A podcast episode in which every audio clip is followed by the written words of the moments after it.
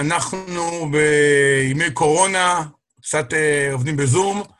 אה, בהר בחוקותיי, ההפטרה שככה חותמת את אה, ספר ויקרא, כמובן היא הפטרה של פרשת בחוקותיי, כי כשיש הפט... ש... שתי פרשות באותה שבת, ההפטרה השנייה בדרך כלל היא הפטרת השבת, ואנחנו הולכים לעסוק עכשיו בעצם בקללה ובברכה, בעיבוד שלהם בלשונו ובשפתו של ירמיהו הנביא. בעצם בפרשה אנחנו מוצאים את, את עם ישראל שמובטח לשפע מטורף אם הוא יעשה מה שצריך, ובמקביל, קללות איומות ונוראות אם נעיז לסטות מדרך השם. מה שעושה ירמיהו, הוא לוקח את כל החומרי גלם של הברכה והקללה, מתיך אותם, ויוצק אותם לתוך תבנית של אדם פרטי. מה יקרה לך אם תהיה בסדר, ומה יקרה לך אם חס וחלילה לא תהיה בסדר. כל הסיפור הזה נכנס לתוך ימיו של ירמיהו, דור החורבן, הדור שעובד עבודה זרה, ולא מוכן לעצור גם כשמזהירים אותו. אז אנחנו מתחילים. אומר ירמיהו כך, השם עוזי ומעוזי ומנוסי ביום צרה. אליך גויים יבואו מאפסי ארץ ויאמרו, אך שקר נחלו אבותינו ואין בם מועיל. כן, אומר ירמיהו, הקדוש ברוך הוא, אתה המקום היחידי שאפשר לברוח אליו שקשה. אפילו הגויים הבינו את זה. אחרי שהכיבוש הבבלי יגיע וכולם יראו שהקדוש ברוך הוא מנהל את העולם, אפילו הגויים יתפכחו ויגידו, וואו, בואי הנה, האמונות של אבותינו על הבעל, האשרה, זה פשוט לא עובד. בואו נתפכח. היעשה לו אדם אלוהים והמה לא אלוהים? לא ייתכן לעבוד עבודה זרה. יש כאן משהו מובנה של חוסר היגיון. לא ייתכן שאני מייצר את העבודה הזרה שאני, שאני משתחווה לאלוהות שלי. לכן, יאמרו הגויים, הנני מודיעם בפעם הזאת. הודיעם את ידי ואת גבורתי, וידעו כי שמי אדוני. הגויים הפעם יבינו מי מנהל את העולם, והם יפסיקו להאמין בעבודה זרה, ויבואו מכל אפסי הארץ, מכל קצות הגלובוס, יבואו להר הבית בירושלים. אליך גויים יבואו. אוקיי, אז הגויים התפכחו, מה איתנו? כמובן שזה הרמה להנחתה, כי הם התפכחו, אבל אנחנו, אה. אומר הנביא, אומר ירמיהו, חטאת יהודה כתובה בעת ברזל, בציפורן שמיר חרושה לוח ליבם, בלי קרנות מזבחותם. החטא של עם ישראל הוא בלתי מחיק. הוא כתוב, הוא חרוט, הוא חקוק בעת ברזל, נו, ביתד של ברזל שחוקקת, ובציפורן, בלהב של שמיר, להב יהלום, דיסק יהלום, זה החומר הכי קשה בטבע. אין דבר יותר מוטבע בכם מהחטא שלכם. הגויים, את החטאים שלהם יעזבו, למרות שזה כבר דורי דורות שמודיע עבודה זרה. אצלכם החטאים, וואו, מובנים עמוק. כי זכור בניהם מזבחותם, ואשריהם על עץ רענן על גבעות הגבוהות. הם זוכרים ומחוברים לעבודה זרה, עם ישראל, בדיוק כמו שמחוברים לבנים שנולדו להם.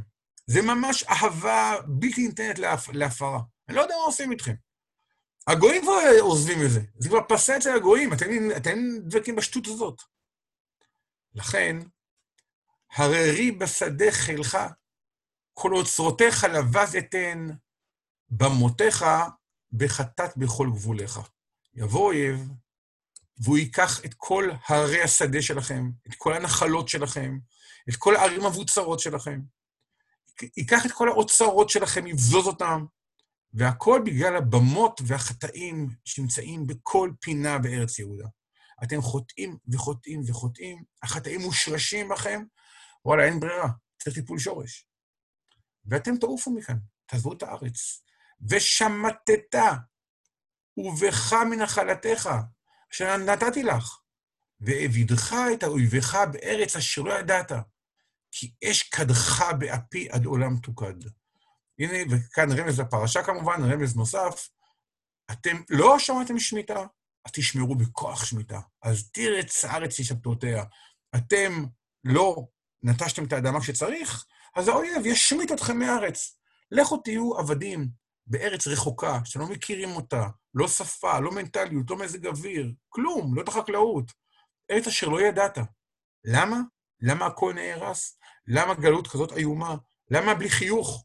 למה? כי אש קדחתם ואפי עד עולם תוקד. אני כועס ברמות כאלה שזה לא עומד להירגע, אוקיי? ולכן, מי שלא מוכן לעזוב את העבודה הזרה ולא מוכן לצאת מההשתיה שהוא חי בה, למרות שזה לא טבעי לו, ילקה ובגדול. ועכשיו אנחנו עוברים לזום אין על האדם הפרטי. כה אמר אדוני, ארור הגבר אשר יבטח באדם ושם בשר זרועו, מן אדוני יסור ליבו. ארור הבן אדם, שלא בוטח בקדוש ברוך הוא, הגדול, האינסופי, העצום, המופשט, ובמקום זה נאחז ונתלה באדם שהוא בשר ודם, ושם בשר זרועו. הוא סומך על הכוח של האדם שיעזור לו.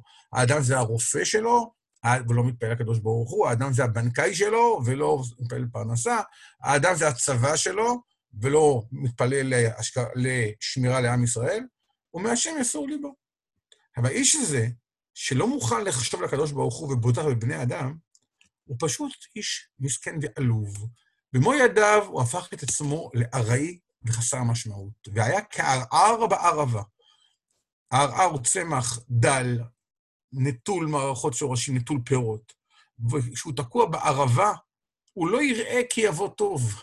אין סיכוי שמשהו טוב יקרה לו בערבה. אין גשם, אין, אין עובר ושב. ושכן חררים במדבר, הוא גר בארץ מלאה חורים, מלאה מלאה מלאה מכתשות, אדמת ירח. ארץ מליכה ולא תשב. האדם שבוטח בבני אדם, במקום הקדוש ברוך הוא, הוא בעצם חי, נטוש, עזוב, ירוד וחסר סיכוי מדבריות אין קץ. לא חבל. ולעומתו, יש גם אה, מישהו הפוך.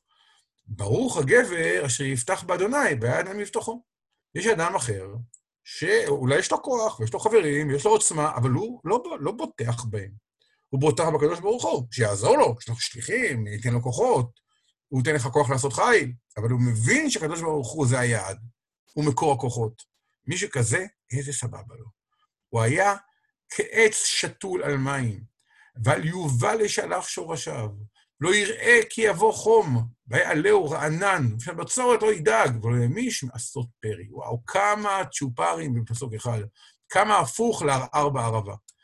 היהודי הזה, שבוטח בהשם, הוא כמו עץ, לא ערער, עץ, מבוסס, גזע איתן. הוא שתול על מים, יש לו תמיד מה לשתות, הוא לא בערבה. על יובל ישלח שורשיו, השורשים שלו מגיעים ליובלים, ליובלים של, של זורמים ושקטים שאפשר לינוק מהם כל הזמן. הוא לא, הוא לא מפחד שיגיע חום. שנת בצורת, מה אכפת לו? יש לו מים. והוא תמיד ירוק עד, עלהו רענן. וכשיש בצורות הוא לא דואג, והוא לא ימיש מעשרות פרי, לא, הוא לא מפסיק לתת פירות. לא משנה כמה גשם ירד, לא משנה מה העונה, לא משנה אם האויבים עברו פה או לא עברו פה, כל הזמן פירות, פירות, פירות, פירות, פירות. קיצור, יש לך בחירה. אתה רוצה להיות איש שבוטח באדם ולראות כער בערבה, או איש שבוטח בקדוש ברוך הוא ולהיות עד שתול. כמובן שדוד המלך, או לא דוד המלך, אנחנו יודעים דוד המלך, פרק א' בתהילים, מציג אותה, אותה הנגדה, רק אלימה יותר, אגרסיבית יותר. הצדיק, הבוטח בהשם יראה אותו דבר, אבל הרשעים, אלה שלא בוטחים, הם כקש שתצפנו רוח. זה לא, אפילו לא הר בערבה, זה, ענן של נסורת, נשורת, שעפה באוויר. אומר הנביא, עקוב הלב ומי מכל, ואנוש הוא מי ידענו. אף אחד לא יכול לדעת באמת מה עובר לך בלב. לפעמים יש אדם שהוא נראה בוטח בעצמו, אבל בטח זה כל הזמן אומר תהילים. כמו הסיפור על הרוז'ינר, שהיו לו נעליים מזהב מלמעלה, אבל לי סוליות מלמטה. יש אדם שנראה לך מאוד גאוותן, שחצן ובוטח, אבל בעצם הוא בוטח בקדוש ברוך הוא, אתה לא יודע את זה, כן? ויש אדם שנראה נורא צדיק, מה זה, הוא כל כולו מתפלל ומתחנן, אבל בפנים, בוטח בחשבון בנק שיש לו בירושלים מסבתא שלו. אז עקוב הלב מכל ואנוש, אנוש ומי ידענו, אף אחד לא יודע הוא. רק הקדוש ברוך הוא, אני, השם, חוקר לב, בוחן כליות, ולתת לאיש כדרכיו וכפרים על עליו. אני יודע באמת מה, מה האדם חושב, למה הוא מתכוון, על מי הוא בוטח, ולכן מה שאני עושה הוא תמיד בהתאמה מושלמת למציאות. אתה לעולם לא תוכל להבין האם אני צדיק ורע לו רשע וטוב לא, כי אתה לא יודע מי צדיק ומי רשע באמת. אז לכן, אם אנחנו נרכיב את הפסקה הזאת, הפסקה הקודמת, אז ישנם כאלה שנראים בחוץ בוטחים באדם, והם באמת בוטחים בקדוש ברוך הוא, ויש כאלה שנראים בוטחים בקדוש ברוך הוא, אבל החטא שלהם חקוק בתוכם, ולא לא יצא משם עד שהם לא באמת יעברו טיפול שורש. ועכשיו אנחנו עוברים למשל הבא. קורא דגר ולא ילד, עושה עושר ולא במשפט. בחצי ימיו יעזבנו וחריתו יהיה נבל. אומר ירמיהו, וואו, מסתכלים בטבע, ישנן ציפורים, הקורא, האם הכוונה פה לקורא שלנו, או לחוגלת הסלעים, כל מיני אפשרויות. ישנם בעלי, ישנן ציפורים שדוגרות על המון המון ביצים, אבל לא שלהם בהכרח. הן משתלטות על תתולות גם של ציפורים אחרות. ונקבת הקורא יכולה לדגור על 14-15 ביצים, אבל היא כל כולה בגוף שלה יכולה לחמם 5-6. ולכן לא יעזור כמה שהיא לא תגנוב ותשתלט על ביצים של, או תדגור על ביצים של ציפורים אחרות, בסוף מה שלא שלה, מה שלא דגרה עליו, לא יתחמם ולא יבקע ולא יעזור לה שום דבר. לכן, הקורא שדוגר ולא יולד, מחמם את הביצים ולא מבקיע אותם, הוא ממש משהו לאדם שעושה עושר ולא במשפט. אדם שמשתלט כסף שלו שלו. ההוא גנב כספים ממישהו אחד, העלים מס במקום אחר, אה, אה, השתלט על אדמה שהיא לא שלו מצד שלישי, וגנב יבולים של מישהו שהוא לא ראה שהוא עבר בדרך. מה אתה חושב? תוכל ליהנות מזה? אתה כמו הקורא, שיש לו הרבה ביצים, אבל אין מזה אפרוחים.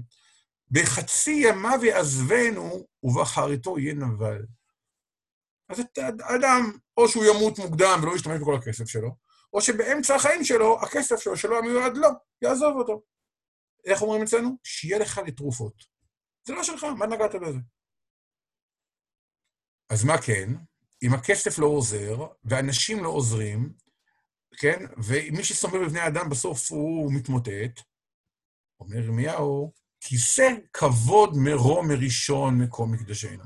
יש מקום אחד שאליו פונים ודרכו נענים, ומי שסומך עליו מצליח. המקום שבו מוצב כיסא מלכות השם בעולם, מרום מראשון מקום מקדשנו, המקום העתיק, הוותיק, שבו הקדוש ברוך הוא החליט לשכון. מקווה ישראל אדוני, כל עוזביו יבושו. מי שעוזב את, את האמונה בקדוש ברוך הוא, בסוף מתפדח. זה לא מחזיק מעמד, הוא לא מצליח. אתה רוצה להצליח? תפנה למקדש, תפנה לקדוש ברוך הוא. וסורי בארץ ייכתבו. מי ששר מהקדוש ברוך הוא, מוצא שהשם שלו כתוב על הארץ, על המצבה. הוא לא שורד. סוריי, מי ששר ממני, כותבים את השם שלו בארץ, על האדמה. כי עזבו מקור מים חם את אדוני. הקדוש ברוך הוא כמו מעיין, הוא פועם ופועם ופועם, ועוד ועוד מים ניגרים ממנו. אבל מי שעוזב אותו, מת. ולכן אומר הנביא, עכשיו בואו, דוגמה אישית. רפאני אדוני וארפה, הושעני ויבשע, כי תהילתי אתה. הקדוש ברוך הוא, אני מסובך פה עם המלך, מסובך פה עם ראשי העם, מסובך עם העם שלא אוהבים לשמוע את הנבואות הפורענות שלי. מתפלל אליך, סומך עליך, יודע שבסוף אני אנצח. ולכן אם אנחנו לוקחים את ההפטרה של ירמיהו, בעצם, מה היה לנו כאן? התחלנו לדבר, גמרנו את הפרשה, את, את הברכה והקלה של פרשת בחוקותיי. הבהרנו שכשהקללה מגיעה, יש אנשים שמתעשתים, אבל יהודים משום מה לא מתעשתים מהקללה ודבקים בעיוותים שהם תפסו בהם. הבהרנו שהעבודה הזרה לא יכולה לעזור, שה, שהקשרים מבני אדם לא יכולים לעזור, שהכסף שעשית ואתה חושב שעומד לרשותך, הוא לא עומד לרשותך. דבר אחד יכול לעזור, תפילה לקדוש ברוך הוא, פנייה למי שאמר והיה העולם היושב בירושלים. ולכן אומר הנביא, רפאני השם וירפא ראשני ויבשק איתי לידי אתה, כל מי שצריך עזרה מוזמן לפנות לשם. שאר כל העזרות הן רק פיקציה. לא כסף, לא חברים, לא עוצמה, לא דתות אחרות, כלום, כלום, כלום. לכן אה, ההפטרה הזאת שולחת אותנו הישר מעולם הברכה והקללה אל עולם התפילה. ומי שמצוי. תחת השפעת הברכה צריך להתפלל ולהודות, ומי שמצוי תחת השפעת הקללה צריך לחזור בתשובה ולהתפלל ולהיענות ולצאת מה... לחלץ מהצרות שלו. שבת שלום ובהצלחה לכולנו.